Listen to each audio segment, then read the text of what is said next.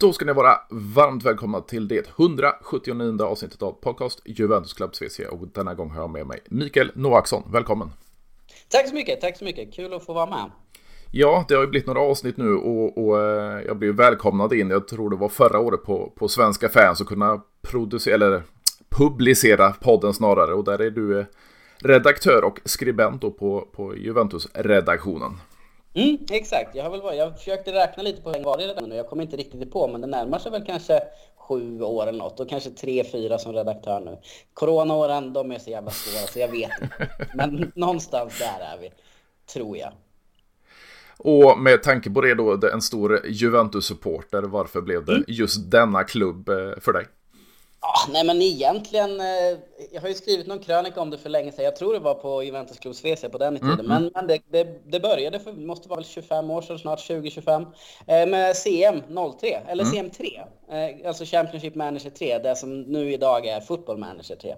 Um, jag tror att, jag, jag, vet inte, jag vill inte, jag hade ingen känsla för något så Premier League-lag, även om det liksom, vi bor i anglofilernas land. Mm. Jag valde italienska ligan, uh, kollade runt lite bland lagen, valde först Inter för att fan, de har ju Roberto Baggio på den tiden, mm. jag var häftigt. Spelade kanske fyra matcher med Inter, det gick åt helvete. Då kände jag, nej, fy fan, det här var inget roligt alls. Vi byter, sådär som man inte får göra. Och då tog jag Juventus och jag tror Del Piero gjorde typ fyra mål första matchen och sen på den vägen är det liksom. Det, det var inte så mycket svårare än så. Sen kommer jag också ihåg att någonstans i den här vevan, jag vet inte om det var före eller efter, så såg jag också Del Pieros mål mot Fiorentina på, jag tror det var Sportspegeln. Mm. Du vet den långbollen han får eh, och sen tar han den på volleyn yttersida över målvakten. Jajamän okej den här snubben, uh, this is my guy. Och sen dess har det varit liksom min favoritspelare genom alla tider egentligen. Ja, det är ju mycket fin spelare och vägen in i Juventus, det är ju samma, samma väg för mig. Men jag har ju inte den där eh, dataspelshistorien bakom Nej. mig. Nej. Men det var Del Peo som, som fick det fast. Absolut, absolut. Och sen så var jag nere och spelade en egen fotbollsturnering 2001.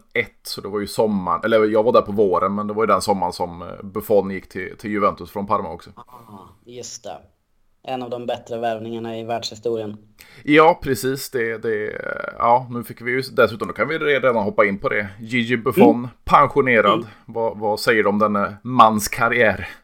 Ja, vad kan man säga som inte redan är sagt? Vilken, alltså, dels en fantastisk fotbollsspelare, det, det är väl ingen som ifrågasätter det. Men också vilken ledare han har varit i stort sett genom hela sin karriär. Till och med som typ 18-åring i Parma hade han de mm. egenskaperna. Så att, nej men det, det, är väl kanske en av sakerna som saknas i dagens Juventus när, när de här ledarna från den gamla BBC-tiden och, och höjdpunkterna där under Allegris första session. Det, alltså, att höra hans röst i, som, som, som försvarsspelare tror jag inger både ett jävla självförtroende och, ett lugn. Mm. Och även om Chesney är en jätteduktig målvakt så är han inte alls samma profil där bak. Alltså det är, det är sällan en målvakt har ja, men den stjärnstatusen som Buffon har haft tycker jag eh, genom åren. Speciellt så pass länge. Visst, Neuer var en skitduktig målvakt i sin prime, mm. men senaste åren sådär. Alltså väl, han har skador och sånt där också självklart. Och jag ska inte gå in i någon debatt om vem som är den bästa målvakten genom tiderna. För att det, det handlar ju alltid om tycke och smak. Och jag kommer mm. sätta Buffon väldigt högt eftersom jag har hållit på Juventus hela mitt liv. Och Italiens landslag också för den delen. Så att, nej men eh, otrolig, verkar vara en otrolig man. Verkar vara otroligt ödmjuk. Eh, jag har aldrig träffat honom själv, men man har ju sett på intervjuerna. Verkar vettig, rolig. Jag vet inte, jag tror jag tror att det finns för få, få sådana spelare i dagens fotboll överlag. Alltså dels lojaliteten men också, också ledaregenskaperna. Jag tror aldrig det var någon bråk om något kontrakt med honom. Han tjänade inte överdrivet mycket pengar någon gång i sin karriär. Jag vet inte om han fick ett hyfsat kontrakt i PSG kanske, men, mm. men annars var det liksom Nej, han, han verkar älska sporten. Och det är därför han har hållit på så jävla länge också. Och jag tycker att han gick till Parma var ett otroligt fint avslut. Absolut, absolut. Vad, vad tänker du? du? du? sa det att det är en röst man behöver i, i, i, Juventus idag. Nu väljer han att gå in som delegationschef då i italienska landslaget. Vad, vad gör det med dig? Nej men alltså det är klart att jag hade velat haft dem i Juventus men samtidigt förstår jag att, eh, att han gör det. Alltså det är väl Barzagli har de väl också tagit in i Absolut. Jag.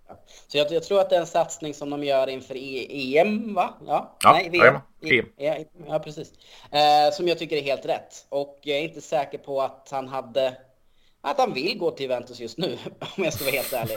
Eh, det, det stormar lite och eh, jag tror att det kan vara bra att landa lite i landslaget innan. Jag vet inte, han har inte riktigt pratat om att han vill bli tränare, men jag tror att han skulle kunna bli en bra tränare också. Just, just på grund av att han har en jävla pondus utan att vara, vad ska man säga, Ronaldo-dryg om man kan mm, säga så. Mm.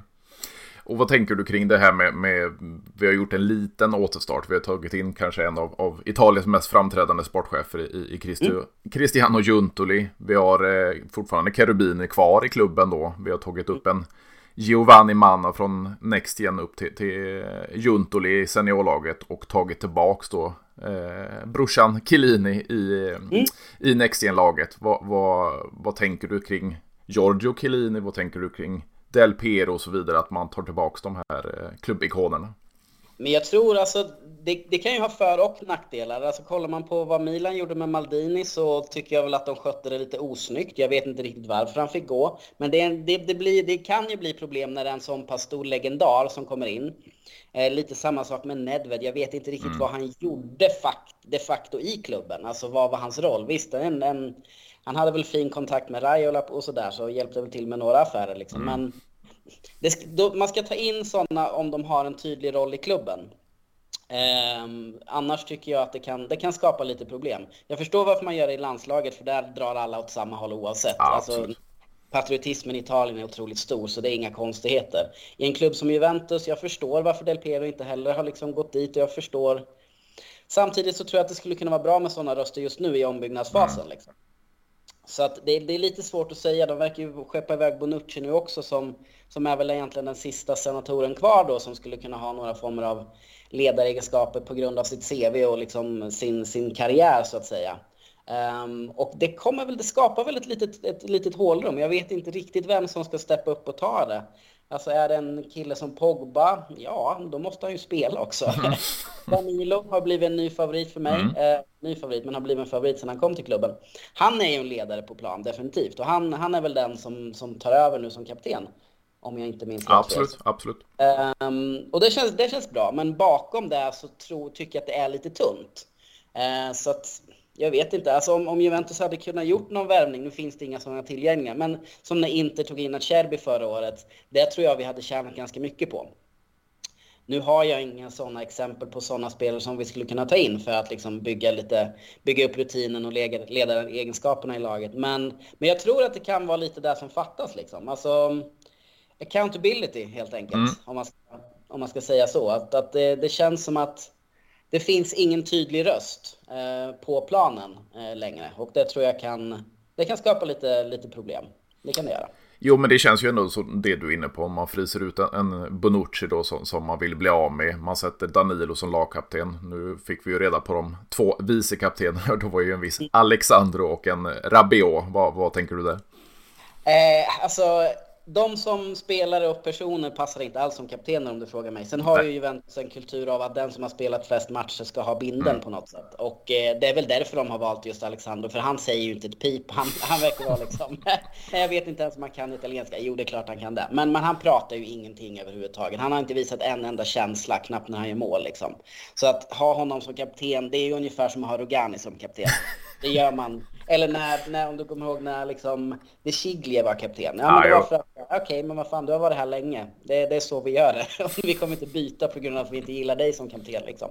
Så det finns väl någonting fint i att hålla kvar de traditionerna. Samtidigt, det är samma sak med Rabiot. Jag, det är ingen favorit hos mig. Han gjorde en helt fantastisk säsong mm. förra säsongen.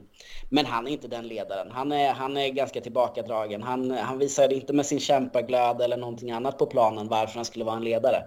Och jag tror inte heller den rösten i omklädningsrummet. Så att nej, det, det, är väl lite problematiskt på det sättet. Samtidigt så kan jag förstå varför Bonucci får gå på grund av den otroligt höga lönen han mm. har. Det, tydligen har ju rapporterats om att han inte riktigt drar, drar åt samma håll som Allegri. Och att han spelade typ ingenting förra säsongen. Och vi har inte riktigt råd att ha kvar spelare bara för att vara schyssta just nu. Det är väl, så jag kan förstå det. Samtidigt så tror jag att ja, det, det, det, det är lite problematiskt också. Och det är lite spännande där också att du, du, du talar om en Buffon. Vi har haft en, en stor lyx att ha Italiens nummer ett i, i Turin i många, många, många år. Nu kom det ju flera tidningar och flera källor som påstår då att, att eh, man vill bli av med Kersny, Dels lönen och sen så att man kan då få in en Gigio Donnarumma. Är det något som du, eh, du skulle se fram emot i så fall? Jo, men alltså det gör man ju på det här sättet. Alltså, jag, Chesney är en duktig målvakt, det är han definitivt. Men jag har aldrig sett han som den världsmålvakten som Buffon var eller som kanske Donnarumma kommer bli. Um, och jag hade, jag vet inte, det, det var någonting när, när, när Donnarumma var i Milan så kände jag att de hade honom på lån för att han alltid skulle komma till Juventus på ett mm. eller annat mm. sätt. Eh, fult att säga kanske, för det är inte så att Milan är en farmaklubb till Juventus. Men det var en känsla jag hade att men han, han ska spela i Juventus. Eh, just nu, den här, det här fönstret, så tror jag att det är svårt. Eh, han, alltså, visst, vi kan sälja Chesney till kanske Bayern för 10, men vad ska då, skulle Donnarumma kosta att ta in? Det är inte ett byte mm. som är värt att göra just nu, skulle jag säga. I framtiden vill jag definitivt ha honom, för att som du säger, Italiens målvakt ska spela i Juventus. Det är Soft, det är Buffon. Eh, Donnarumma kommer vara Italiens målis i säkert tio år till. Så att, nej, det, det, skulle jag tycka var en rolig värvning. Eh, om en onödig i, dag, i dagsläget liksom. Och vad tänker du om vi tar de stora frågorna på, på marknaden? Vi har ju då en, en Federico Chiesa och vi har en Dusan Vlahovic som eh, rapporteras vilja stanna kvar i klubben och, och, och, strida och bevisa sig själva. Men det är speciellt kring, kring Vlahovic då ett potentiellt spelarbyte med, med Romelu Lukaku. Där får man ju in en viss erfarenhet som du är ute efter, men vad tänker du? Ja, alltså om jag får bestämma. Jag förstår ju att det, vi sitter i ett ekonomiskt prekärt läge. Det är ju ing, det är ingen som kan hymla om liksom. Eh, jag hade hoppats att man inte skulle behöva sälja någon av de två bästa som är Kiesa och Vlahovic. Även om Vlahovic hade en dålig säsong så har han en enorm potential och som han visade bland annat i Fiorentina men också att han är, vad är han, 23 år mm, gammal. Mm. Liksom. Eh, så att herregud, honom kan man få en enorm utväxling på fortfarande. Eh, så jag hoppas att man inte behöver sälja någon av dem. Framförallt inte Kesa eftersom han är italienare och kanske en av få kreativa krafter framåt vi har. Blahovic är ju inte den som skapar någonting själv på det sättet. Men, eh, men att sälja honom för samma pengar som vi köpte honom för när han är 23 år och inte har varit, visst han var inte bra förra året, men det var ingen i Juventus förutom Rabiot som var bra förra året. Så mm. man kan inte riktigt klandra honom för det. Han var skadad mycket också. Eh, sådär, så att jag hoppas att man inte behöver göra sådana typer av affärer, speciellt inte Kesa, för att ska vi sälja Kesa då vill jag ha 100 miljoner euro. Det är mm. ingen som mm. kommer att ha för honom. Eh, och om, som du nämnde, bytet med Lukaku. Nej, alltså visst, han, han, har rutin, det har han, men han har inte ledaregenskaper på det sättet överhuvudtaget. Snarare tvärtom skulle jag säga. Mm. Och visst, han, han kan komma in och leverera en, kanske två säsonger, men det pratas om ett kontrakt på tre, fyra år och det är mm. inte billigt. Eh, jag vet inte hur många år av de åren vi kan använda den här skattereduktionen som Italien bjuder på eftersom han var i Inter och sådär. Ehm, så det blir en ganska dyr spelare också. Eh, det sägs ju att oavsett om det är en bytesaffär eller inte så kommer Juventus behöva bokföra runt 45 miljoner för Lukaku. Mm. Och det är mycket pengar för en 30-31 man som förra säsongen var petad av Dzeko. Liksom. Mm. Uh, så att alltså, det finns en anledning till att han var petad av Dzeko. Uh, Inzaghi tyckte inte att han levererade, tyckte inte att han... Jag vet inte, jag vet inte exakt vad det var. Det kanske också var någon form av alltså, intern konflikt där, jag vet inte. Men så här, Lukaku är en duktig målskytt, men det är en interspelare. Eh, han har liksom en dålig relation med Juventus fans och det är Juventus fans fel, mm. inte hans eget. Jag ska inte säga någonting om det. Men det är liksom, det är inte optimalt för hon, varken honom eller oss att han kommer hit. Och då förstår jag inte varför man är så otroligt sugna på den affären. Spelartypsmässigt, visst, han är en duktig target. Eh, men mer då? Alltså så här, Hans djupledsspel blir sämre för varje år. Han har, och vilket när han presenterade som bäst inte var en av hans styrkor. Han sprang fan ifrån folk liksom. Mm, mm. Eh, jag tycker inte, jag såg inte att han gjorde det förra säsongen. Um, och han, som sagt, alltså, det är en spelare som har levt mycket på sin fysik, tror jag. Och eh, hans fysik kommer inte bli bättre. Uh, den kommer bli sämre för varje år. Det, så jag ser, jag ser dels nutid. Visst, kanske... Det är klart som fan att Vlahovic kan göra 20-30 mål han också om, om man får rätt bollar. Det var inte så att han sumpade förra säsongen. Så att jag ser inte exakt hur Lukaku skulle göra laget bättre. Visst, man får pengar emellan, men då ska det vara ganska mycket pengar emellan för att man ska kunna liksom göra någonting mer på marknaden för att det ens ska vara värt att diskutera tycker jag. Um, och det vet jag inte, Chelsea är inte så sugna, de, det pratas om 20-30. Det är inte så jävla mycket vi kan göra med de pengarna ändå jag tycker inte att det är värt det. Säg att Vlahovic är två bra säsonger, då kan vi sälja honom för hur mycket som helst sen.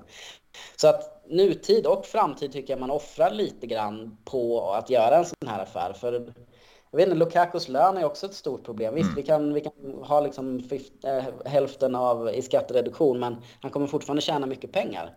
Och han kommer sitta på ett kontrakt som kommer vara väldigt svårt att bli av med om han inte presterar. För jag är inte helt säker på att eh, saudiska ligans köphets kommer att hålla i sig hur länge som helst. Det, det, får ju framtiden utvisa. Liksom. Men om två år så tror jag inte att man kommer få några 50 miljoner euro för Lukaku. Liksom. Eh, det har jag svårt att se.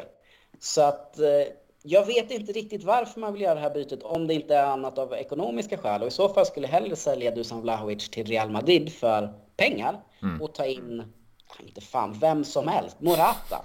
Alltså på riktigt, alltså jag vet inte. Jag, jag...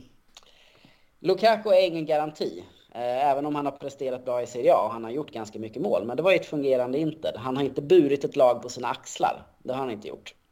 Och det är väl lite det jag är rädd för. Att om, om han får samma bollar som Vlahovic fick förra säsongen, varför skulle han göra mer mål? Och om vi ponerar, om vi tänker den offensiven vi har. Vi, vi släppte en Di Maria efter ett år. Vi har en Kese, vi har en Vlahovic. Gör vi oss av med Vlahovic, inte i ett byte med, med Lukaku, så har vi Milik, vi har köpt loss. Vi har en eh, Keen, sen har vi lite yttrar då med Illing Junior, Solé och så vidare, Kostic. Men, men om vi tänker en, en nia vad, vad, skulle du plocka in om du inte byter mot Lukaku? Ja, nej men då skulle jag försöka gå på Jonathan David, eh, mm. helt enkelt. Eh, jag tycker han är en djupledsspelare som är otroligt duktig. Han är ung. Vi kan, han kommer kosta 60 säkert, men vi kommer, då vill jag att vi säljer Vlahovic för mer, så det blir de 20-30 emellan som det pratas om att vi får Lukaku-affären ändå. Eh, så då skulle jag satsa på honom. Ingen, ingen lätt affär att få igenom. Men, eh, men han spelar inte i ett storlag, han spelar i franska ligan liksom. Eh, och han har presterat två, tre säsonger i rad. Han är jävligt snabb, han är jävligt ung. Ehm, han är bra på att avsluta. Jag tror att om man då skulle spela ett 4-3-3 så tror jag att det är en ganska bra forward att ha. Speciellt om man då som Allegri gillar att sitta lite lägre med laget och kunna kontra lite grann. Så tror jag att han skulle kunna göra ja, Osimhen-mål liksom. Mm. Om man ska, ska jämföra. Så att i så fall skulle det vara honom. Men det, det, det här blir ju lite football manager-feeling. Mm. det är inte bara att plocka en, en av de mest liksom, efter, efter en av de största forwardstalangerna som, som europeiska marknaden har. Men eh, det är ett namn som jag skulle tänk, kunna tänka mig att ta in. Jag skulle inte bli helt tokig om man tar en kille som Morata heller, för att om vi spelar, det beror på vilket spelsystem vi ska ha liksom. Um, och jag tror att de, eh, liksom en kombination med Morata, Milik och Ken, ja men de kan väl göra en 30 mål ihop. Det är väl inte kattpiss. Alltså det blir lite som när första åren under Conte, vi hade ingen som gjorde 15-20 mål, men Nej. vi hade många som gjorde 10. Mm. Och det kan också funka, liksom. Det kan det göra. Jag tror, jag, Ken är ju ingen som har presterat sådär överdrivet och det är ingen favorit heller, men han, man får inte glömma att han fortfarande är jävligt ung. Och när han fick sina lägen i PSG gjorde han ändå 17 baljer liksom. Så att det är inte, det är ju inte som att ta in Korea, om man säger så, skulle jag säga. Um, så att visst, jag förstår att många Juventus-fans är trötta på Ken. Ja, och jag tycker att affären vi gjorde där, att han kostar 35-40 miljoner. Ja, men det var ju panik för att Ronaldo gick i sista dagen på fönstret liksom. Och det var ingen bra affär. Men fotbollsspelaren Ken är ju inte helt värdelös, eh, som många får att se. Han kanske, gjorde han inte nästan 10 mål förra säsongen? Jo, jo. Så att alltså, har man tre forwards som gör 10 mål var, ja, nej men det kan väl räcka också liksom. Om man bara ska spela med en striker. Det beror ju på lite som sagt spelsystem. Ja, och det känns ju lite så här, den här säsongen är väl ultimat. Alltså skulle man, man skicka Vlahovic då och få, säg 90-100 miljoner euro. Spara på de pengarna till nästa säsong mm. för då ska vi vara tillbaks i Champions League. Lägg krutet mm. då. Ja men exakt, exakt. Alltså jag tycker oavsett Vlahovic eller inte på topp så har Juventus en tillräckligt bra trupp för att komma topp 4. Mm. Eh, det har jag tyckt ända sedan Allegri kom tillbaka. Jag, jag tyckte vi var favoriter första året, för jag tycker fortfarande att truppmässigt, den är dyrast, men den är också bland de bredaste och bästa trupperna i Italien. Liksom. Sen, sen handlar det om att få det att klicka också, det är en annan sak. Det handlar, inte, det handlar om så mycket mer annat än så. Men om man bara kollar på pappret så har Juventus en väldigt bra trupp. Det är liksom landslagsspelare på nästan alla positioner. Vi har liksom många talanger som är på väg upp, vilket är jävligt kul. Och vi har liksom, alltså ett mittfält med Rabiot, Pogba och eh, Locatelli, det är ju, det är ju skitbra. Alltså, då, då finns det liksom inga ursäkter för mig egentligen. Eh, så att jag, jag, forwardspositionen är självklart viktig, den är viktig i alla lag.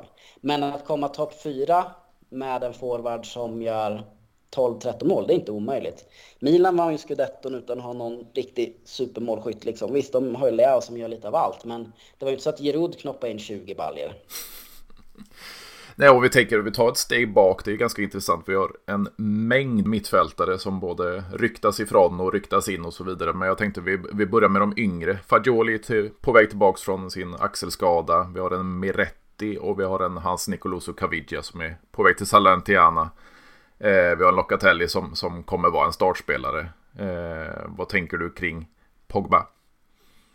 Ja, sen har vi Rovella också. Om du, ja, Rovella. Absolut. Ja, som jag är väldigt spänd på. Nej, men Pogba, om han spelar, om han är hel, så är han ju den viktigaste spelaren i laget skulle jag säga. För vi har inte den kreativiteten på mittfältet utan honom. Sen kan det säkert funka ändå. Ja, Fagioli är inte dålig. Miretti har fram, fantastisk framtidsutsikt. Um, Fagioli blev väl årets unga spelare, säger mm. jag. För. Så det, är, det är en kille som vi ska satsa på. Um, så mitt problem lite med att man gick så hårt för Kessie som det verkade vara så här, men vem fan ska inte spela då? Mm. Uh, och var, varför skulle vi behöva Kessie? Det, det kanske var för att de tror att Pogba inte kommer hålla och då behöver vi någon, någon spelare på mitten som, som gör det där. Men alltså, vi har inga yttrar. Hur ser högerkanten ut? Vi har, vi har liksom, vi är bara. Mm. Vi, alltså, lös Sagnolo eller någon istället för att hålla på och lägga massa, massa tid och energi på att få in en till mittfältare. Just nu är den lagdelen i Juventus som är bredast och bäst skulle jag säga, om man bara kollar på pappret. Sen måste man få det att klicka också. Men vi har som du säger, vi har Pogba, vi har Rabiot, vi har Locatelli. Bakom har vi Fagioli och Rovella som var startspelare mm. i, i Monza förra säsongen och gjorde det väldigt bra. Sen har vi Miretti, vi har fortfarande kvar McKennie. Mm. Som, ja, jag vet inte hur, hur det blir där. Alltså, det har aldrig varit, jag har aldrig hatat på McKennie. Eh, jag tycker att det har egenskaper som kan behövas. Han, han, han har bra energi och sådär. Men det är väl inget som jag vill se som startspelare. Men det är ändå, alltså, så här, om man tar sjätte, sjunde gubbe mm. så är det ganska bra kvalitet. Så jag förstår inte riktigt varför man skulle behöva ta in en mittfältare till. För om vi ser till Pogba då, som frågan handlade om. Alltså han är ju den som kan lösa upp eh, lite det kärva spelet som har varit sen Allegri kom tillbaks. Han kan göra en gubbe på mittfältet, han kan slå en djupledsboll som löser upp lite grejer. Och jag tror inför den kommande, kommande säsongen så är han den viktigaste spelaren i Juventus att ha hel. Det tror jag definitivt. Eh, kommer han bli lika bra som han var förra gången i Juventus? Nej, kanske inte. Men jag tror att han kommer göra sina 5, 6, 7, 8 mål och 5, 6, 7, 8 assist. Och nej, men det är det, det vi behöver där från mittfältet. Speciellt då om vi, skulle inte, om vi inte skulle ha kvar en, en striker som, som är svinbra på att göra mål. Så jag gillar Pogba som fan. Jag tyckte det var en, en bra värvning. Alltså ta tillbaka honom gratis, herregud. Mm. Sen var det jävligt otur att han var skadad förra säsongen. Eh, men med honom i laget så blir Juventus otroligt mycket bättre. Det tror jag fortfarande. Jag tror inte att han, han är så pass gammal och sleten att han inte skulle prestera. Man såg lite glimtar när han mm. kom in. Han, ja, men han kan göra liksom... Han kan göra lite grejer som ingen annan på mittfältet kan. Liksom. Och eh, jag tror att, att laget måste kretsa, eller spelet måste kretsa kring honom nästa säsong om han är på plan. Det tror jag. Om vi då ponerar att det blir ett tremanna mittfält. Vi ponerar att Pogba kanske inte är så skådefri som vi hoppas. Mm. Eh, blir det då en Rovella som register och en, en Rabiot Locatelli som varsin Messala? Jag hoppas det. Alltså jag skulle också vilja testa Fagioli som regista. Mm. Eh, jag tycker inte att Locatelli passar där, eh, Nej. helt enkelt. Jag tycker, ehm, jag tycker han, hans egenskaper gör sig bättre längre upp i plan. Han är ganska bra på att sätta press, han är ganska bra på att bryta bollen. Så han skulle kunna vara någon som sätter in första pressen om vi tappar bollen, vilket jag saknar väldigt mycket idag. Det är ingen riktigt som liksom... Vårt erövringsspel är väldigt dåligt, skulle jag säga. Eh, vilket gör att vi inte kan trycka fast lag i i deras försvarspositioner på samma sätt. Och jag tror han passar bättre som Messiah. Han, han gjorde det bra i Sassuolo som regista, det gjorde han definitivt. Men de spelade ett annat spel också. Där hade han bollen väldigt mycket och han hade väldigt mycket passningsalternativ. Det ser inte riktigt så ut i Juventus idag, utan då skulle det krävas att registan kan slå de svåra bollarna. Mm. Och Locatelli kanske har det registret, men han har inte riktigt det självförtroendet just nu i alla fall. Och då tror jag att han passar bäst, mer, bättre i en Messiah-roll. Liksom. Och Rovella spelade väl Redista förra året hela tiden i Monza och mm. gjorde det bra. Så varför inte testa honom där istället? Sen förstår jag väl, Allegri gillar ju Locatellis defensiva egenskaper och det är väl därför han vill att han ska skydda backlinjen, skulle jag gissa på. Men samtidigt så spelade Pirlo Regista och Pirlo var ingen som försvarade för fem öre. Eh, så det går ändå. Eh, det handlar om vad de andra två mittfältarna erbjuder. Om man har liksom Rabiot och Locatelli bredvid sig som båda är någon form av Messiah box-to-box-roll då ska man kunna ha, säkra upp eh, liksom centrallinjen på mittfältet ändå tycker jag. Så att ja, nej, men det är nog så jag skulle vilja testa. Jag skulle vilja testa Fagioli före Rovella för jag tycker mm. han har förtjänat att liksom, han bevisade sig förra säsongen. Men jag tror att de två skulle kunna dela på rollen och sen resten av mittfältarna skulle kunna spela Messiah. Ja, vi har ju dessutom haft en liten skadehistorik kring Rovella, så, så Fagioli och Rovella kan dela på posten som du säger. Ja, nej, men det tycker jag. Alltså, det, det, man ser ju det. det, det jag vet inte om det är just i Juventus eller just de senaste åren, men skadorna är, mm. de är påtagliga. Och det är väl inte konstigt när man, när man som fotbollsspelare tvingas spela 50-60 matcher per säsong om man räknar med landslag och mm. allt sånt där. Det har ju blivit mer och mer. Alltså de har fått in jävla Nations League som ingen bryr sig om. Men det är också några fem matcher, sex matcher på en säsong. Det är, det är liksom träningslandskamper och sådär. Och jag förstår, alltså, det var väl De Bruyne som var ute, De Bruyne som var ute och sa det att nej men det här är för mycket. Det här är, han spelade väl en, en 70 matcher någonting. Det var förra, förra, förra säsongen. Och det går ju inte. Alltså det, det är en sport, det är 90 minuter, det sliter otroligt mycket på kroppen och jag tror att, jag tror att världsfotbollen måste se över lite vad man än liksom vill. För det är inte kul att se en stor final utan de två största stjärnorna heller om det skulle bli så, för att de är skadade. Så det, det drar också ner. Så jag tror att, men det är väl som med allt annat inom världsfotbollen, man tittar för mycket på the big man move, på pengarna, för att se om det faktiskt gynnar fotbollen som sådan eller inte. Eh, och eh, mm, jag, jag, tror att man måste skära ner på antalet matcher och då kanske det blir lite färre skador. Sen kickade väl Juventus hela sin eh, medicinska ledning nu, eller bytte ut den i alla fall. Eh, har jag för mig. Så att det kanske kommer hända någonting eh, där också. Sen har jag svårt att se. Det, det känns som att skador är mycket otur och mm, upp till spel. Lite. Eh, ser man på en kille som Ronaldo som aldrig har varit en favorit, men han, han, han tränar ju som en tok och han hade, typ, han hade nog inte en enda muskelskada när han var i Juventus.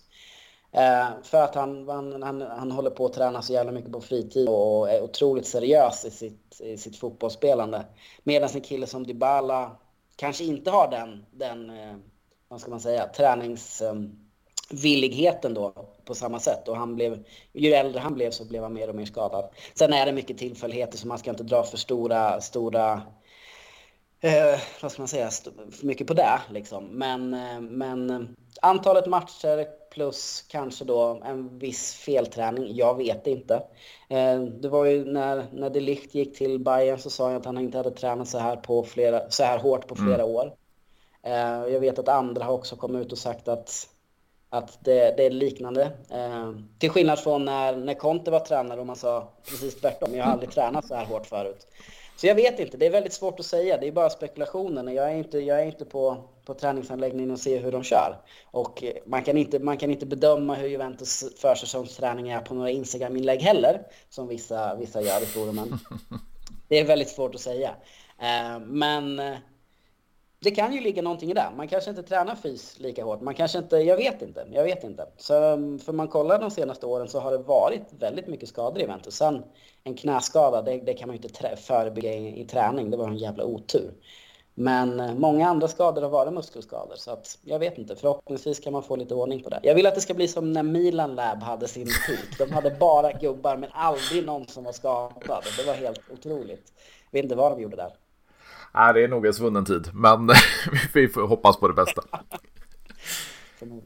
Och, vi är faktiskt inte färdiga där med mittfältet. Vi har ju även då en Artur Melo då som gick på, på lån med, med en viss köpoption till Fiorentina. Vi har fortfarande en Zakaria som är på väg till Monaco då. Vi har en Enzo Baranechea som fick lite chans eh, den gångna säsongen och så vidare. Så, så mittfältet behövs väl kanske inte fyllas på lika mycket som andra positioner men ändå det kom ju i, efter att Kessie då skulle bli klar för, för Saudi Pro League så var det Thomas Portei igen. Vi har nu på morgonen en, en Leon Goretzka och en Ryan Gravenberg i, i Bayern München. Så det är fortfarande mittfältare som, som ryktas in.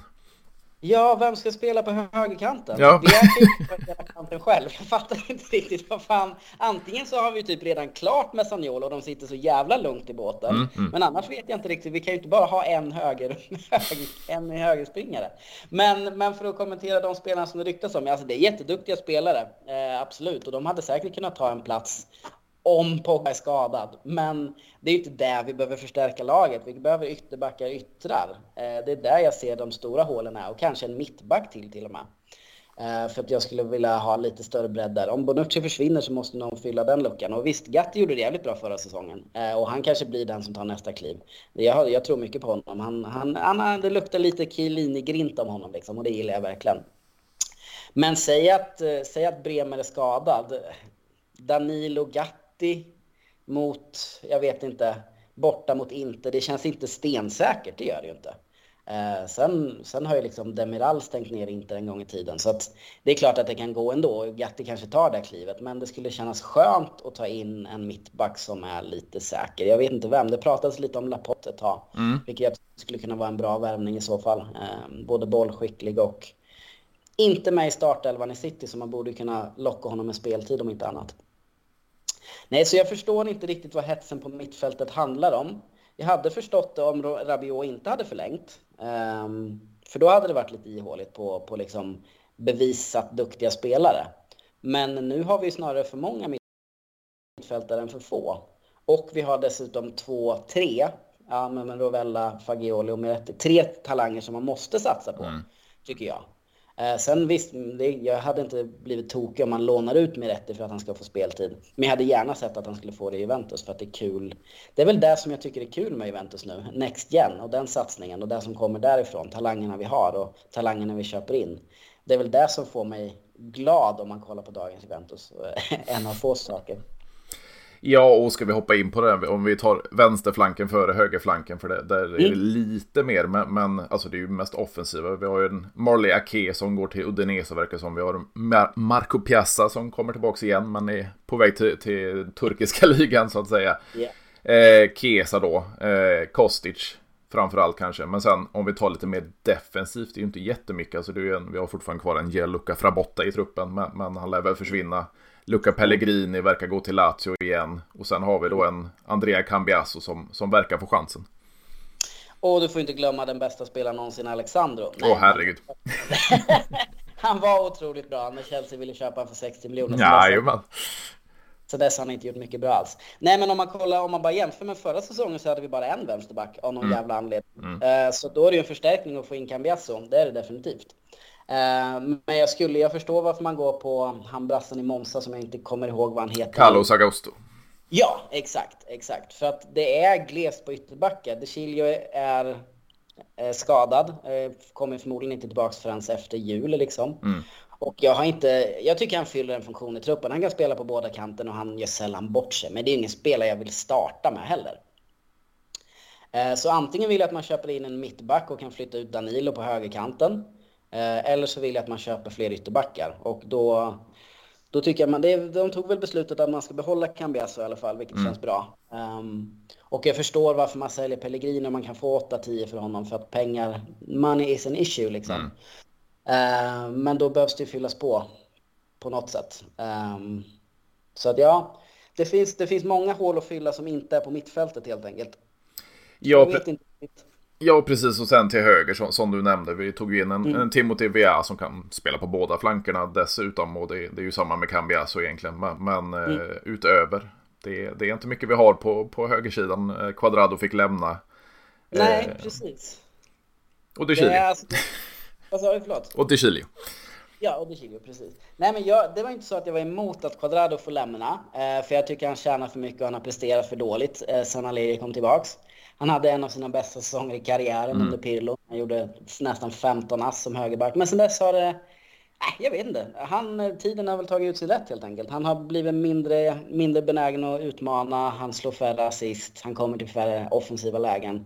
Och han, defensiven har ju aldrig varit hans, hans bästa sida liksom. Så att jag kan förstå det. Han tjänade 5 miljoner euro. Um, om jag inte minns helt fel. Mm. Åtminstone 4,5. Och utan skattereduktion så är det jävligt mycket pengar i dagens trupp. Eh, och det är väldigt mycket pengar för en spelare som, som kanske inte fyller så otroligt mycket mer än en plats i truppen då. Men släpper man både Di Maria och Quadrado samma fönster då måste man ju ta in minst två mm. på högerkanten. Eh, och eh, som sagt, det kanske, det, det kanske är stenklart med Sagnola, eller, men jag fattar inte riktigt varför de sitter så otroligt lugnt i båten. Sen har det också varit så, om man kollar på rapporteringen kring Juventus Mercato den här säsongen, så har inte många journalister haft mycket rätt. Det var ingen som sa någonting om VR förrän han var klar i Nej. stort sett. Um, så det kan, det kan mycket väl dyka upp någon som, som kommer in där. Jag vet dock inte vem. Om vi skulle ta bort Saniolo från ekvationen så vet jag inte riktigt vem man skulle kunna fylla på med. Uh, men jag är inte heller uh, fotbollsscout och har koll på allt sånt där. Så det finns säkert någon. Men, men um, lägg lite tid på att hitta, lösa den biten först. Och sen om man vill liksom lyxa till det på mittfältet och ta in någon, ja ja fine. Men, men det finns som sagt, det finns mycket, mycket viktigare ställen att fylla på med spelaren där. Ja, och det känns ju som de är, vi tar de yngre igen, alltså Samuel Illing Jr, vi har en Solé på andra sidan. Man, mm. man vill casha in troligtvis 20-25 miljoner euro per, per spelare, så att vi, eh, men det är ju pengafrågan. Men, men skulle du verkligen mm. vilja göra det av med de här? Eh, nej, det skulle jag inte, men jag förstår varför man gör det. Men då vill jag mm. att vi gör som Real gjorde med Morata. Vi har en buyback-clause mm. på 5-10 miljoner mer. För gör de succé, då blir det en ganska billig peng att få tillbaka mm. en Illing Junior som har gjort fyra bra säsonger någonstans, eller tre bra säsonger någonstans. Eh, jag kan förstå varför man, om man säljer Solé mer, för jag tyckte Illing presterade bättre när han väl kom in och jag ser en större potential där. Solé har väl egentligen inte gjort det så otroligt bra, men han, kanske en, han är ju en supertalang liksom, så det är klart som fan att att jag skulle vilja ha samma, samma deal där i så fall. Sälj han för 20-25 men ha en buyback clause på 30-35 då. Då är jag helt för det. Men att bara skeppa iväg unga spelare för att vi behöver pengar. Jag vet inte, måste vi göra det? Alltså vi, det känns lite som att vi måste ha lite självförtroende i våra affärer också.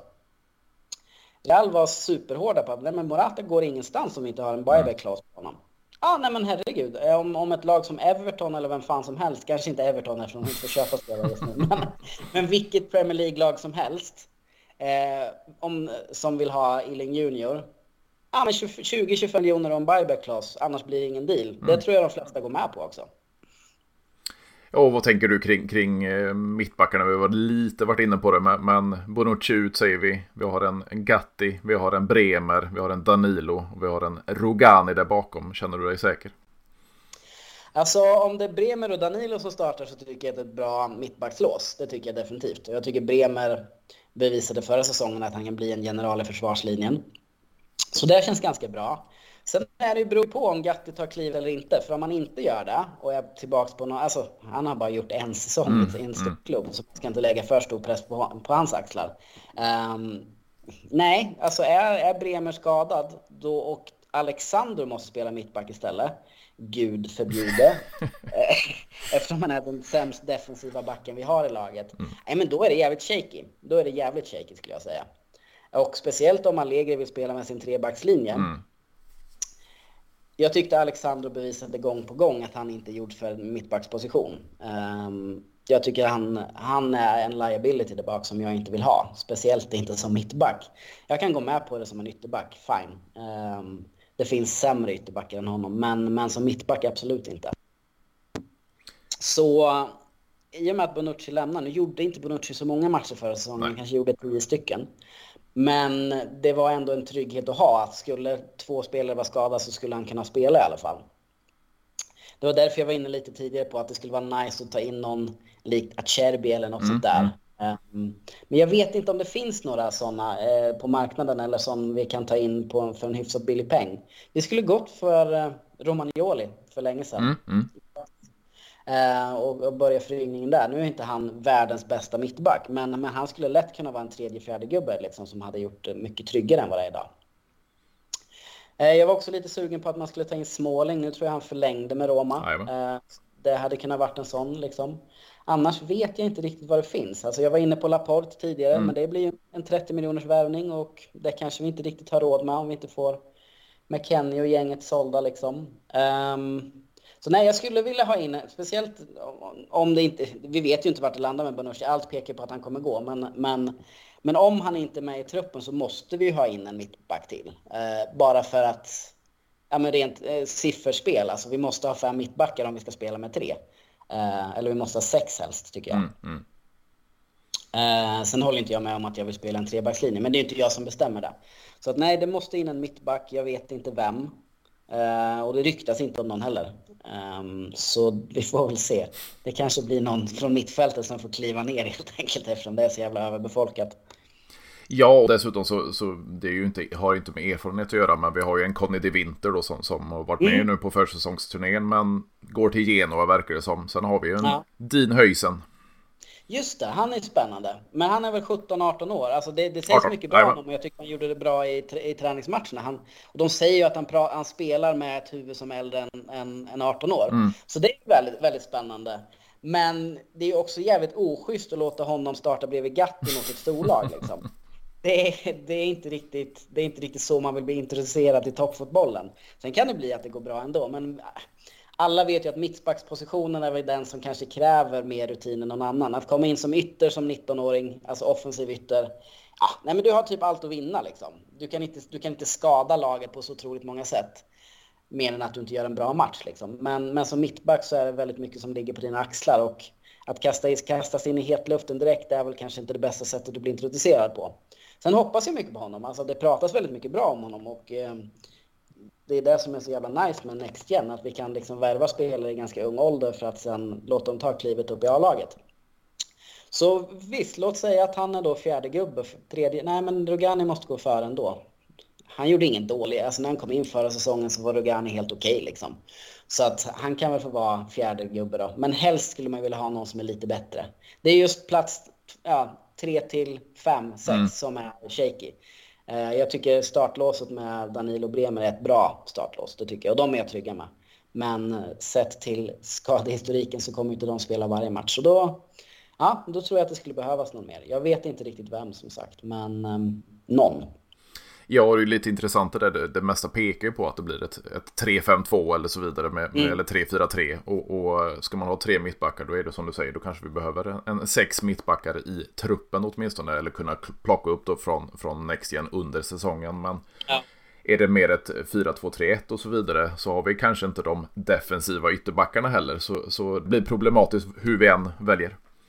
Ja, men lite så. För att om man skulle spela med fyrbackslinje då, då skulle jag gärna se att Danilo är högerback för mm. att säkra upp defensiven, defensiven lite grann. Så kan, kan vi alltså få vara lite offensivare på andra kanten eventuellt. Men då har vi bara Brem, då är det Bremer och Gatti som ska starta. Och visst, som sagt, gör, tar Gatti nästa kliv så kan han bli en fantastisk mittback. Men det finns ju inga garantier för det. Och det är väl det som är problematiken. Att då hade jag hellre sett en, en rutinerad spelare som, som har bevisat sig i Serie A Eh, som kan ta den, eh, ja, axla den rollen i ett eller två år liksom. Eh, I så fall. Men som du säger, det verkar som att Allegri vill hålla kvar vid sin trebackslinje, vilket jag... jag vet, Nej, men jag vet inte. Jag, jag, har inte sett ett annat, ett annat lag, ett annat vinnande lag spela med 3-5-2 sen Juventus gjorde det sist, så att säga, under BBC-tiden. Men det var det också för att vi hade ja, bland, bland världens bästa mittbackar där bak. Eh, när man inte har bland världens bästa mittbackar så förstår jag inte varför man ska satsa på en trebackslinje. För då, det, då blir det mer osäkert än säkert i min bok. Eh, sen kan inte jag hävda att jag kan mer om fotboll än Allegri. Men det är också frågan om vart, vart ska Kesa spela? Ska han spela som en släpande forward i, på ett ställe där det är väldigt få ytor och han inte kan ta fart? Det som han är bra på, det som gör han till en fantastisk fotbollsspelare. Nej, då tycker jag att det är fel att spela med en trebackslinje. För Kesa är en av de bästa spelarna, kanske den bästa spelaren vi har. Då måste man kunna utnyttja hans förmågor maximalt. Speciellt i ett lag som inte har så jättemycket offensiv kreativitet just nu.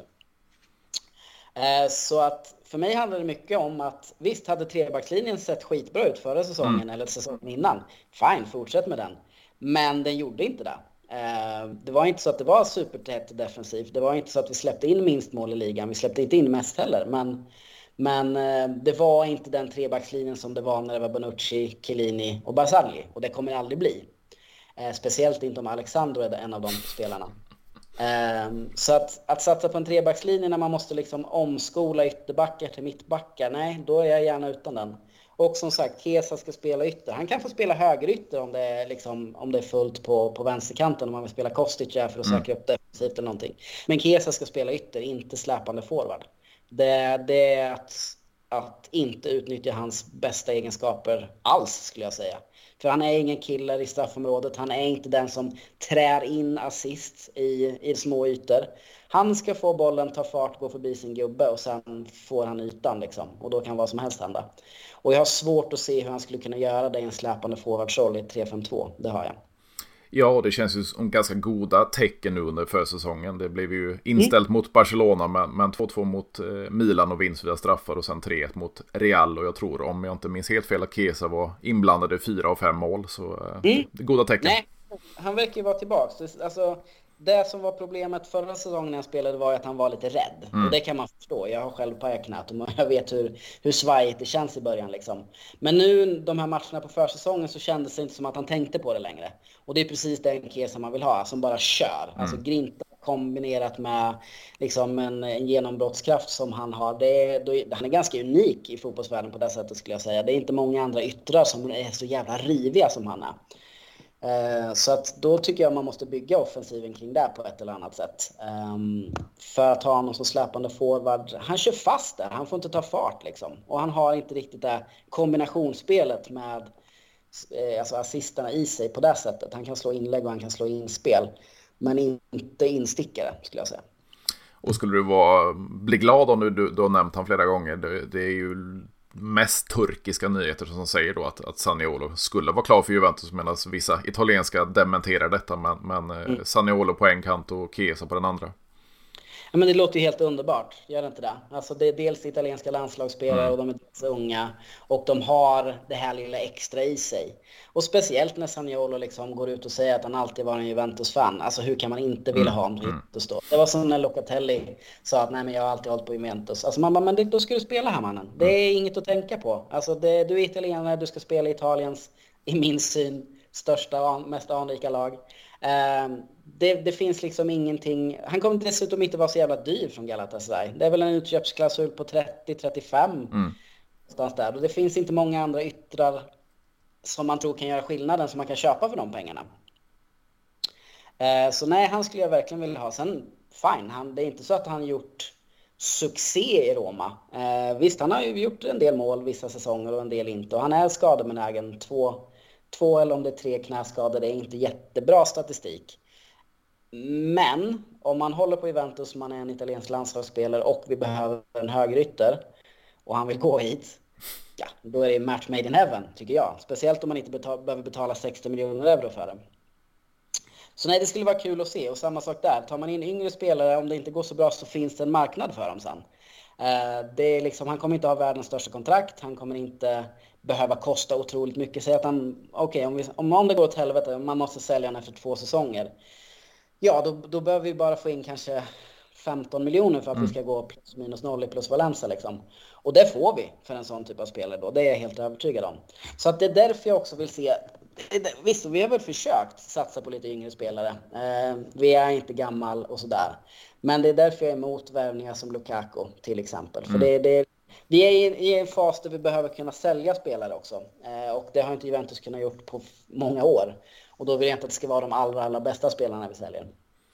Och på tal om just detta, det, det, för mig känns det som lite motsatser. Alltså vi har en Massimiliano Allegri på tränarbänken. Vi tar in en Cristiano Giuntoli. Deras filosofier kanske inte matchar det bästa man, någonsin har hört. Vad, vad tänker Nej. du kring hans, eh, våra nya sportdirektörs intåg i detta Juventus?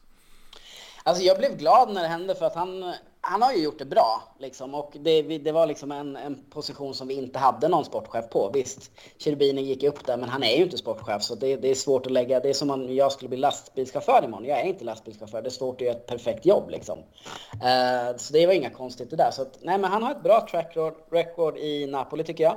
Han har gjort, framförallt har han varit väldigt duktig på att få pengar i försäljningar tycker mm. jag. Alltså spelare som inte riktigt har behövts. Uh, jag tycker han har liksom ja, det är väl en av anledningarna till att Napoli kunde köpa Osimhen, även om den dealen, den, den, skulle kunna vara en helt egen podd den dealen, men det skiter vi eh, Nej, men att, att de kan sälja spelare eh, och få in lite cash liksom. Eh, så det, det tycker jag är positivt och han har väl en... Ja, men han har väl, han, han har väl en egenskap att kunna hitta dem som ingen annan riktigt visste fanns på det sättet. Och det är väl också precis det Juventus behöver just nu. Vi kan inte gå in och konkurrera med egentligen någon annan klubb i Europa som det ser ut nu. Dels på grund av att vi inte har Champions League den här säsongen, men också ah, det har inte varit de bästa rubrikerna i media på senaste tiden. Om vi säger så. Sen tror jag att Juventus som varumärke är alltid fortsatt starkt. Liksom. Men, men just nu utan Champions League och lite på dekis kanske sådär. Eh, så nej, det, det, är svårt. Alltså, det var ju prat om att Kessie hellre skulle gå till Tottenham än mm. Juventus. Mm. Och han, vi vet ju att Tottenham inte kommer vinna en titel innan vi dör. Så att, ja, om vi inte kan konkurrera med Tottenham, då, då får vi gå på de spelarna vi kan få in liksom. På något sätt. Ja, det känns ju samma det här med Pau Torres då som länge var ju på väg till mm. oss och så väljer Aston Villa. Ja, men precis. Så eller Premier League har ju en dragningskraft, dels i att det är en väldigt stor liga och många tittar på det, men det är de. Aston Villa som har spelat i Premier League i två säsonger mm. nu, om det tredje, de har mer pengar än oss. Det säger ganska mycket om, om var dagens fotboll står. Eh, vilket är jävligt tråkigt, men eh, Italien får ju bara skylla sig själva. Eh, om man hade satsat på varumärket Serie A och inte släppt liksom, matchdatum två veckor innan mm. matchen ska spelas så allt sånt där. Du har ju försökt köpa biljetter till italienska matcher själv. Du vet ju vilket jävla gissel det är liksom. Eh, jag åker ner en gång per år med mina vänner och kollar på lite olika eh, matcher. Sist var vi och kollade på Salerno mm. i Salernitana mot Atalanta. och det var ju samma sak där. Man vet inte om ska, matchen ska spelas på en söndag, på en måndag eller på en lördag. Och om du ska boka flyg Eh, då är det ganska viktigt att veta om det blir en måndagsmatch. Liksom. Vi, vi, något år innan så var vi och kollade på Genoa-derbyt. Och den matchen flytt, dels bestämde de inte förrän kanske två, tre veckor innan vilket datum det var. Sen flyttade de det för de bara just det, vad fan det är ett maraton i Genoa på söndag. Eh, så då flyttade de igen. Så vi fick ju köpa ett hotell, en extra hotellnatt och krångla massa sånt där. Så det, man fattar ju att om man gör det enkelt i Premier League, de släpper schemat, det sitter, det är där. Ehm, det blir lättare. Det blir jävligt mycket lättare. Sen är ju hela grejen med, ja, det går ju en, en dokumentär på SVT just nu om, om Premier Leagues, liksom, vad som hände där och där. Men jag tycker det var sevärd. Men de, de, har ju fått offra lite läktarkultur för att få komma dit. Och visst, det, det kan jag tycka är tråkigt, men samtidigt, om det ger bättre arenor, om det ger allt det som det har gett Premier League, varför inte försöka på något sätt i Italien att göra någonting med det här varumärket i alla fall? Man kan ju inte bara låta det stagnera och låta det liksom sakta men säkert dö. Som det lite är nu. Alltså nu har, nu har Saudi kommit in på marknaden och blir ett, ett alternativ för de som, in, som, alltså de som är rejectsen så att säga i Premier League går till saudiska ligan för italienska ligan. Och det handlar bara om pengar och som sagt jag vet inte hur länge det kommer hålla i sig. Det får vi väl se. Men om det är så pass illa att vi har sämre dragningskraft än de flesta lagen som finns, alltså större lagen, då, då måste ju faktiskt någon, jag vet inte vem, Italien ta tag i det på något sätt. Jag vet inte exakt vad man ska göra, men Premier League är väl en ganska bra mall då. Eh, nu är inte, nu är inte läktarvåld ett stort problem i Italien, eh, som jag förstår i alla fall. Men, men eh, ja, någonting behöver göras med det varumärket. Eh, så är det. För att publiken är inte riktigt där dragningskraften finns inte riktigt där. Sen är det mycket möjligt, alltså det, saker går i cykler hela tiden. Italien var störst på 90-talet, men de, de kapitaliserade inte riktigt på det här då. Det är, det är mycket möjligt att det kommer tillbaks, men det är inte så mycket som pekar på det just nu. Liksom. Det är det inte. Premier League kör från år för år. Liksom. Ett, som, vi, som vi sa, ett lag som Aston Villa mm. har mer pengar än Juventus, ja, men då, då är det problematiskt. Liksom. Det. Så jag kan förstå varför man ville göra någon form av satsning på Superliga, även om jag tyckte formatet var ganska, ganska bärst, eh, så att säga. Um, så förstår jag att det behövs göras någonting för att komma ikapp Premier League på något sätt. Uh, men titta inåt då istället. Gör någonting med varumärket Serie A för fan. Det, man kan inte bara skylla på att men fan kolla Premier League har massa pengar och vi har inga. Ja, nej, men vad gör ni för att Serie A ska bli mer attraktivt? Det är inte bara upp till klubbarna det här. Det är det inte. Rom har väl försökt, eller Romlagen har försökt bygga en ny arena i hur många år som helst. Mm. De fick bygglov. Samma sak var det när Inter skulle bygga en ny arena. Nu vet jag inte om de har fått det. Jag tror att de har fått det. Men det, alltså processen är liksom om 10-15 år. Och då förstår jag att affärsmän inte vill gå in och satsa på sådana här saker. När du nämner just Zenitiana, Alltså det, det, är ju rykten om Miretti, Nicoloso Caviglia och våran nykommande mittback då i Facundo Gonzales. Men så kom det Toto Salerno då med att de även vill låna Kina Gildis och Luis Hassa som vann eh, U19-EM nyligen med, med, Italien och så vidare. Vad, vad tänker du kring det här med, vi har ju ett Next Gen-lag i Serie C, men tycker du det är bättre att låna ut våra talanger till Serie A och Serie B-klubbar? Jo, men på något sätt så är det det. Det är ändå en högre, högre konkurrens i Serie A. Det är bättre tränare, du får träna med bättre spelare. Så att utvecklingsmässigt så är väl det jättebra. Men då ska, de också, då ska det finnas någon garanti för att de får spela också. Mm, mm. För att bara träna med Salerno gör det inte, i Salerno gör det inte mycket bättre än att spela i Next Gen. Liksom. Det tror jag definitivt inte. Så då handlar det om att man ska försöka skriva in, jag vet inte om man kan det eller inte, men skriva in någon form av krav på speltid. Eh, eller åtminstone få någon form av garanti från tränaren. Alltså, men det här är en spelare som jag kommer satsa på. Annars är det mycket bättre att de får kontinuerlig speltid i Serie C. Det tror jag definitivt. Men en kille som Miretti skulle ju vara startgubbe där liksom. Mm, ja, mm. Nej, men absolut. Eh, I så fall om vi inte hittar någon plats för honom på vårt mittfält. Monza har väl pratat om samma sak, att de är villiga att låna in många av våra, våra talanger liksom. Kör, säger jag. Alltså, man ser bara, som sagt, Rovella fick, eh, han spelade väl kanske 32 Serie A-matcher förra säsongen och det ger honom ju mycket större utveckling när han spelar fem Serie A-matcher med Juventus.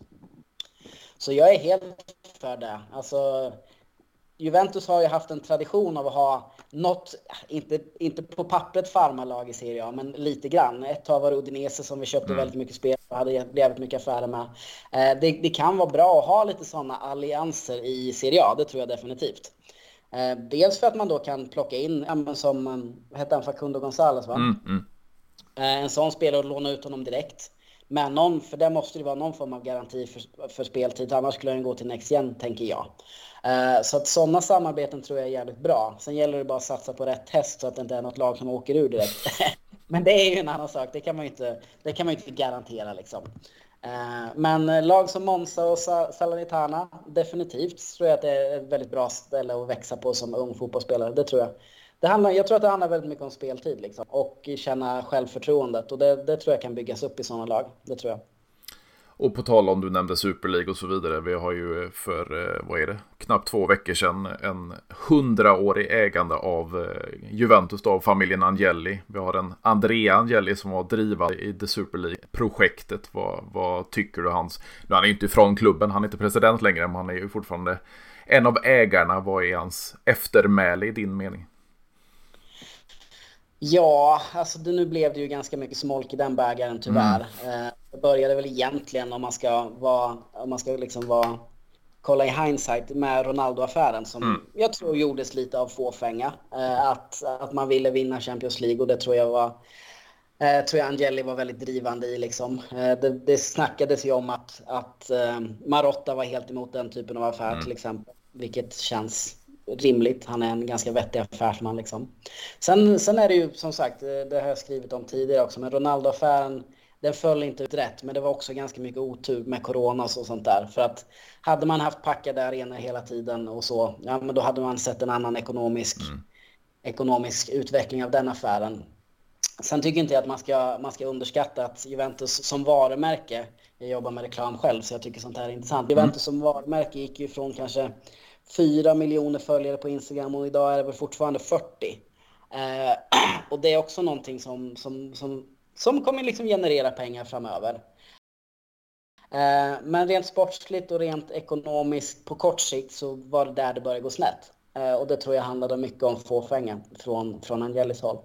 Eh, samma sak med Super League på något sätt, att, att han kände sig ifrånkörd av mellanklubbar i Premier League och att det här känns jävligt jobbigt. Nu måste vi göra någonting åt det.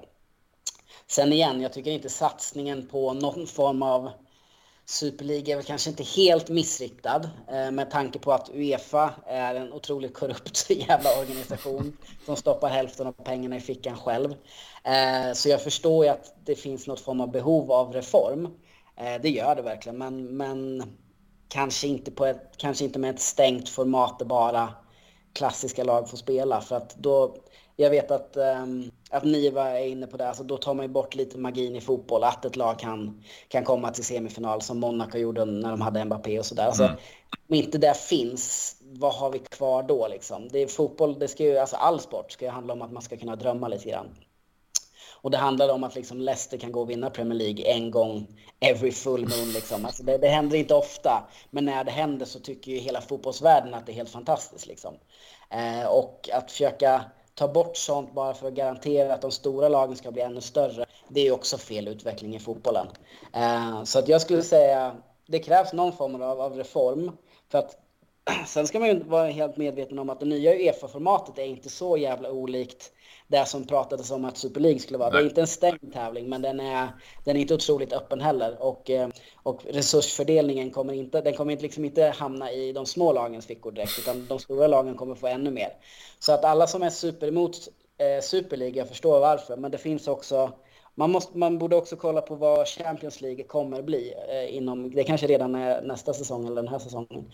Det är inte så att man, man liksom tar de små lagen i beaktning. De skapade, visst, de skapade Conference League och sånt där och det genererar väl lite pengar men, men um, det är ett stort problem inom fotbollen överlag och det handlar om pengar och korruption och eh, maktgalna män. Ja, precis. Och, och, och, pengafrågan är ju enorm dessa tre. Alltså Champions League, Europa League, Conference League. Jag kommer ihåg, jag skrev en, en uträkning då. Skulle vi gå till åttondelsfinalerna i Champions League den gångna säsongen. Så hade vi fått in mm. lika mycket som vi hade vunnit Europa League. Ja, nej men precis.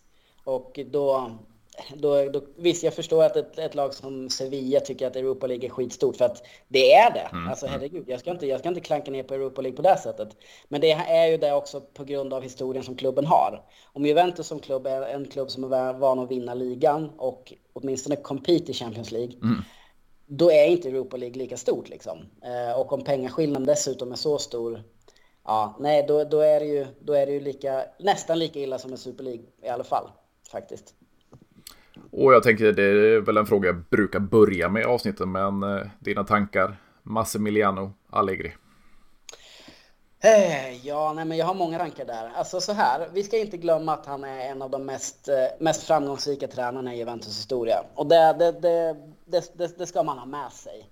Eh, men jag personligen har aldrig haft så, aldrig varit så trött på Juventus och titta på Juventus som dels Allegri sista år, eh, förra, förra sessionen, hans, hans femte då va? Mm, precis. Mm. Och de här två åren nu. För att jag tycker att fotbollen som spelas är bedrövlig.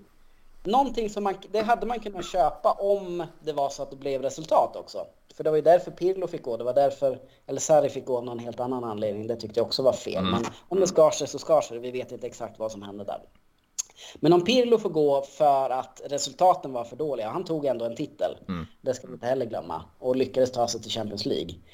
Och Allegri får vara kvar med den, ja det, handlar, det, det kommer vi också till, men om Allegri får vara kvar efter två säsonger som inte, varken spelmässigt eller resultatmässigt var speciellt bra, mm, nej, då, då, det, det känns inte rätt i magen för mig. Eh, det känns som att man blev feg och satsade på någonting som man visste hade funkat. Men jag brukar dra, jag brukar dra det exemplet att så här, om någon frågar mig, du, tycker, jag, tycker du att jag ska ligga med mitt ex? Då kommer jag alltid säga, nej men fan det är nog ingen bra idé. För att det finns alltid en anledning till varför det tog slut. Och det är samma sak i det här fallet. Det finns en anledning till varför Juventus valde att gå mm. vidare från Allegri i första, första hand. Och det var för att de inte trodde att hans brand fotboll skulle ta dem till nästa kliv. Det kan inte varit något annat för det skar sig inte på ett personlighetsnivå. Alltså, Angeli och Allegri är fortfarande vänner och sådär. Så det var ju att nej, men det känns som att Allegri har nått sitt tak helt enkelt. Eh, och jag tror inte, vad, vad, vad, skulle vara skillnaden efter att han har tagit liksom semester i två år? Varför skulle han kunna ta nästa kliv då? Sen förstår jag att Juventus är på en annan, var på en annan plats. Eh, hans sista år och hans första år i nya sessionen. Det är ett annat Juventus och jag förstår att man ville satsa på någon form av trygghet. Men om, så här, om, i och med att det inte gav resultat så är det bevisligen en felsatsning. Han tjänar alldeles för mycket pengar för det han presterar på tränarbänken tycker jag. Eh, sen ska han ha cred för vissa saker. Han har liksom tagit upp mer talanger än vad man är van att mm. se Allegri göra. Han har en stor roll i att Miretti och Fagioli liksom har tagit kliv där. Det är absolut cred. Cred när man ska få cred liksom. Det, det är inte allt något emot. Men, men det känns som att dels så här, om du, är, om du inte är Sagnolo, om du är en offensiv spelare som väljer mellan tre klubbar, varför skulle du gå till Juventus? Eh, det, det, du får inte spela den fotbollen du vill spela liksom. Eh, och om, igen, hade det varit en vinnande klubb så kan man se förbi sånt mm, för att det, mm. det, handlar om att vinna liksom. Men den, den, den var, det varumärket av fotboll vi spelar just nu är, jag tror, att, jag tror på riktigt att det är skadligt för Juventus som klubb. Jag tror att man i Europa ser på Juventus som ett ställe som säger, men vad fan håller de på med? Alltså rent fotbollsmässigt. Vad gör de? Tror de att de kan backa sig till tittare i dagens fotbollsklimat? Det är omöjligt liksom. Eller nej, det är inte omöjligt. Atletico vann 2021. Eh, det gjorde de, absolut. Eh, så det ska vi inte glömma. Men eh, alltså, det finns en anledning till varför liksom Mourinho inte tar titlar längre. Det finns en anledning till att det är, det är egentligen bara 4-3 och full blåsfront som har tagit titlar de senaste 5, 6, 7, 8 åren. Jag vet inte, jag ska inte, jag ska inte dra för stora växlar på hur lång tid tillbaks där. Men, men kollar man på lagen som vinner idag så är det, det är lag som går offensivt. Mm. Helt enkelt. Det är lag som satsar framåt. Eh, det är lag som gör mycket mål, eller åtminstone skapar mycket chanser. Sen ska ju bollen in där man kan ha otur ibland. Men, och Juventus är inte det laget idag. Juventus, de matcherna man vinner gör man det mycket på, på individuella prestationer. Eh, mycket på fasta situationer förra säsongen. Och jag säger inte att det är dåligt att göra mål på fasta situationer, men om det är det främsta offensiva vapnet, då är det ju någonting som är fel. Och fine att en spelare som Pogba kan låsa upp vissa saker och fine att Kesa tillbaks kommer göra skillnad. Men eh, på något sätt så känns det här Juventus identitetslöst om du frågar mig.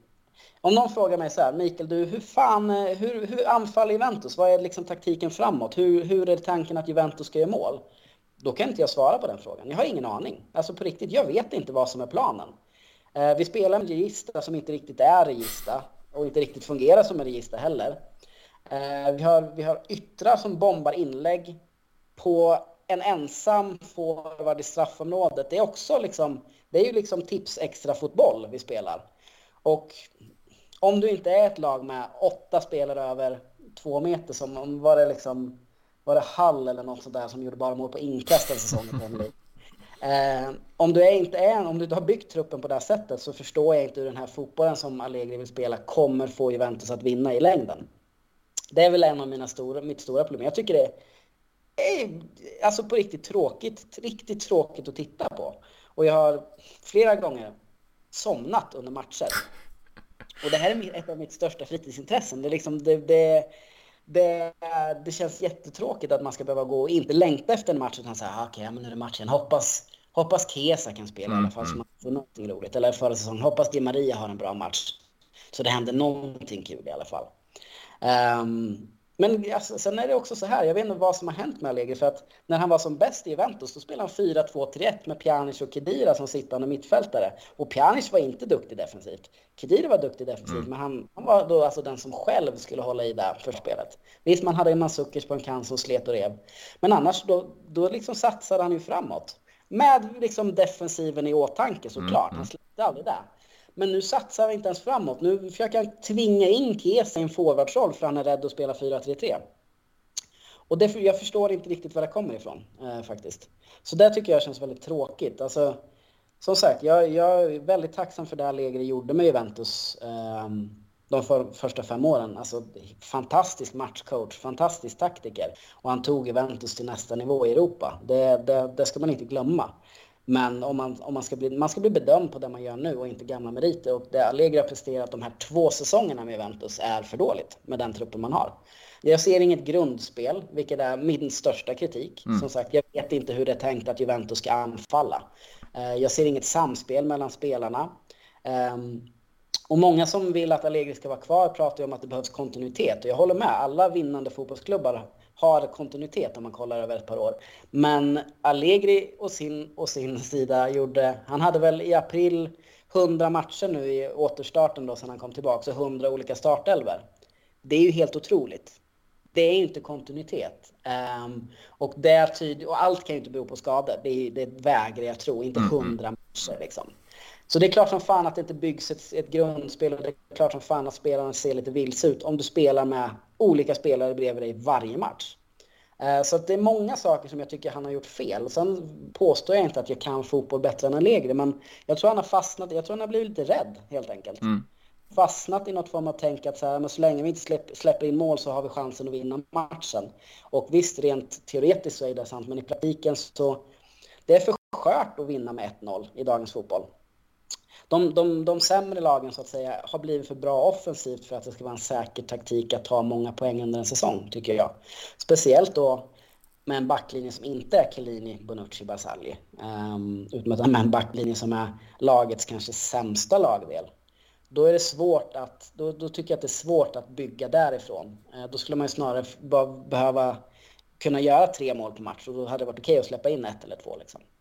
Eh, och jag ser inte heller, nu får vi väl se, nya säsongen är på gång, men från, från förrförra till förra säsongen såg jag inte heller en enda förändring i spelet. Eh, det var ingenting som justerades, det var ingenting som, som, liksom, som han gjorde för att förbättra offensiven. Och jag vet inte, gjorde vi 52, 54, 55 mål de säsongerna? Mm. Eh, det gör ju City innan jul. Eh, och då säger alla att Premier League är en mycket bättre liga än Serie A, så de måste ju då tydligen ha mycket bättre motstånd också. Mm. Sen ska man inte jämföra Manchester City under Pep med Juventus, men min poäng är densamma. Att här, om, du är ett, om du är ett lag som ska vara något form av storlag, då måste du kunna göra mål framåt. Alltså vi förlorade två matcher förra säsongen mot Monza och det får inte hända. Mm, mm, mm. Så är det. Och det handlade inte om att defensiven var för dålig, det handlade om att offensiven var för dålig. Så att jag vill, jag vill se förändringar där och om Allegri kan göra de förändringar, fine, då har jag gärna kvar honom. Det, det är inte så att jag vill kicka tränare för kickandets skull. Men då vill jag se att han försöker någonting annorlunda. Eh, inte kör samma hjulspår som har tagit oss till skitspel, låg produktion. Ja, vissa, det är svårt att säga hur mycket sanning det är i det, men det pratas ju om att det finns vissa slitningar eh, i truppen också. Det är Chesney, Quadrado, snackas om Kesa kanske inte tycker att det är jättekul att spela ur position hela tiden. Sådana saker är också viktiga. Eh, för att ett lag som, som presterar måste vara liksom samspelta på alla sätt. Och det gäller även socialt liksom. Så nej, jag, jag, jag, tycker inte att Allegri har gjort det han ska göra som tränare med den lönen han har. Och jag tycker igen att det är fel av Angeli att ge honom fyra år med en lön som gör honom omöjlig att sparka. Um, för jag är helt övertygad om att han hade fått gå om han hade, efter den här säsongen eller förra, om han hade haft kortare kontrakt med lägre lön. Mm. För det är, alltså sparkar man Sarri när han har vunnit, sparkar man Pirlo när han tar sig till Champions League och vinner en titel, då har man ju bevisligen högre ambitioner. Och det här snacket om att så här, nej men så länge vi kommer fyra är det okej. Okay. Mm, jag kan hålla med, absolut. Vi behöver komma fyra, men det är inte Juventus. Juventus ska alltid vinna. Mm. Det, det, måste vara vår målsättning varje säsong i Serie A. Champions League är en helt annan sak. Det är mycket som krävs för att vinna där. Men målsättningen ska alltid vara att vi ska vinna alla matcher. Och jag tycker att Legri pratar på ett sätt som att nej men det var skitbra för säsongen. Vi kom trea utan poängavdrag. Ja, nej men det, det var, väl, det var väl helt okej okay då. Alltså speciellt med den turbulenta säsongen som var. Men säsongen innan dess, det var inte jättebra heller. Eh, ehm, det presteras i stormatcherna som har varit Allegris liksom en av hans S. gick väldigt dåligt i alla stormatcher, eller resultatmässigt ganska dåligt i alla stormatcher skulle jag säga. Ehm, så att det, det är många faktorer som jag inte tycker klickar just nu. Och jag tror inte att han hade fått kvar, vara kvar om han inte tjänar de sju eller nio han tjänar per år. Liksom. Och mm, nej, men då, då, då känns det fel helt enkelt. Sen, eh, ja, jag skulle vilja ha Zidane. Bara mm. för att mm. Zidane spelat i Juventus. Han har vunnit Champions League. Han spelar en lite annan typ av fotboll. Jag tror också att han har en jävla respekt i omklädningsrummet med tanke på den fantastiska karriär han hade. Och om man kollade på lite liksom, träningsvideos från realtiden så var ju han med och lirade och var typ fortfarande lika teknisk och bra som, mm. som han var när han var som bäst. Så jag tror att han skulle kunna få Juventus att spela en annan typ av fotboll. Sen kan man ju aldrig garantera att det skulle bli bättre. Men där man kan garantera att det skulle vara en annan typ av fotboll och det tror jag att det är många fans som suktar efter idag. Ehm, det, som sagt, om vi, om, om vi börjar vinna igen, ehm, då men kör på med din defensiva mentalitet. Absolut. Jag, jag kommer inte ifrågasätta, ifrågasätta det då. Alltså, det finns en anledning till att Juventus måtte, det handlar inte om, eller att vinna inte är det viktiga, det är det enda som betyder någonting. Mm. Det håller jag verkligen med om. För att vem fan kommer ihåg att vi, att vi spelade bra fotboll? ja, men som Tottenham. Visst, jag förstår att deras fans tycker att det är kul att de spelar en offensiv fotboll, men de hade ju hellre vunnit en titel just nu, tror jag. Måste säga så här, stort tack Mikael. Plus, mm. all respekt mot andra gäster, men det är skönt när jag kan släppa. Alltså jag är programledare, jag släpper på det, du kan prata. Vi kör, det, vi, vi kör igen känner jag. ja men absolut, jättegärna. Det var skittrevligt det här. Alltså, alltså det, ja, vi, vi kör in på säsongen igen så ska vi ha ett snack igen. Det, ja men det tycker jag. Det, tycker jag. det är bara roligt att få prata Juventus. Ja det känns som du har både i skriftens form och, och muntligt och du kan prata om våran kära klubb. Kul att höra, kul att höra. Som sagt, stort tack så, så hörs vi igen. Tack själv, fantastiskt arbete du gör. Ha det tack. gott Fredrik. Detsamma, detsamma. Hej hej. Tjena. Hej hej.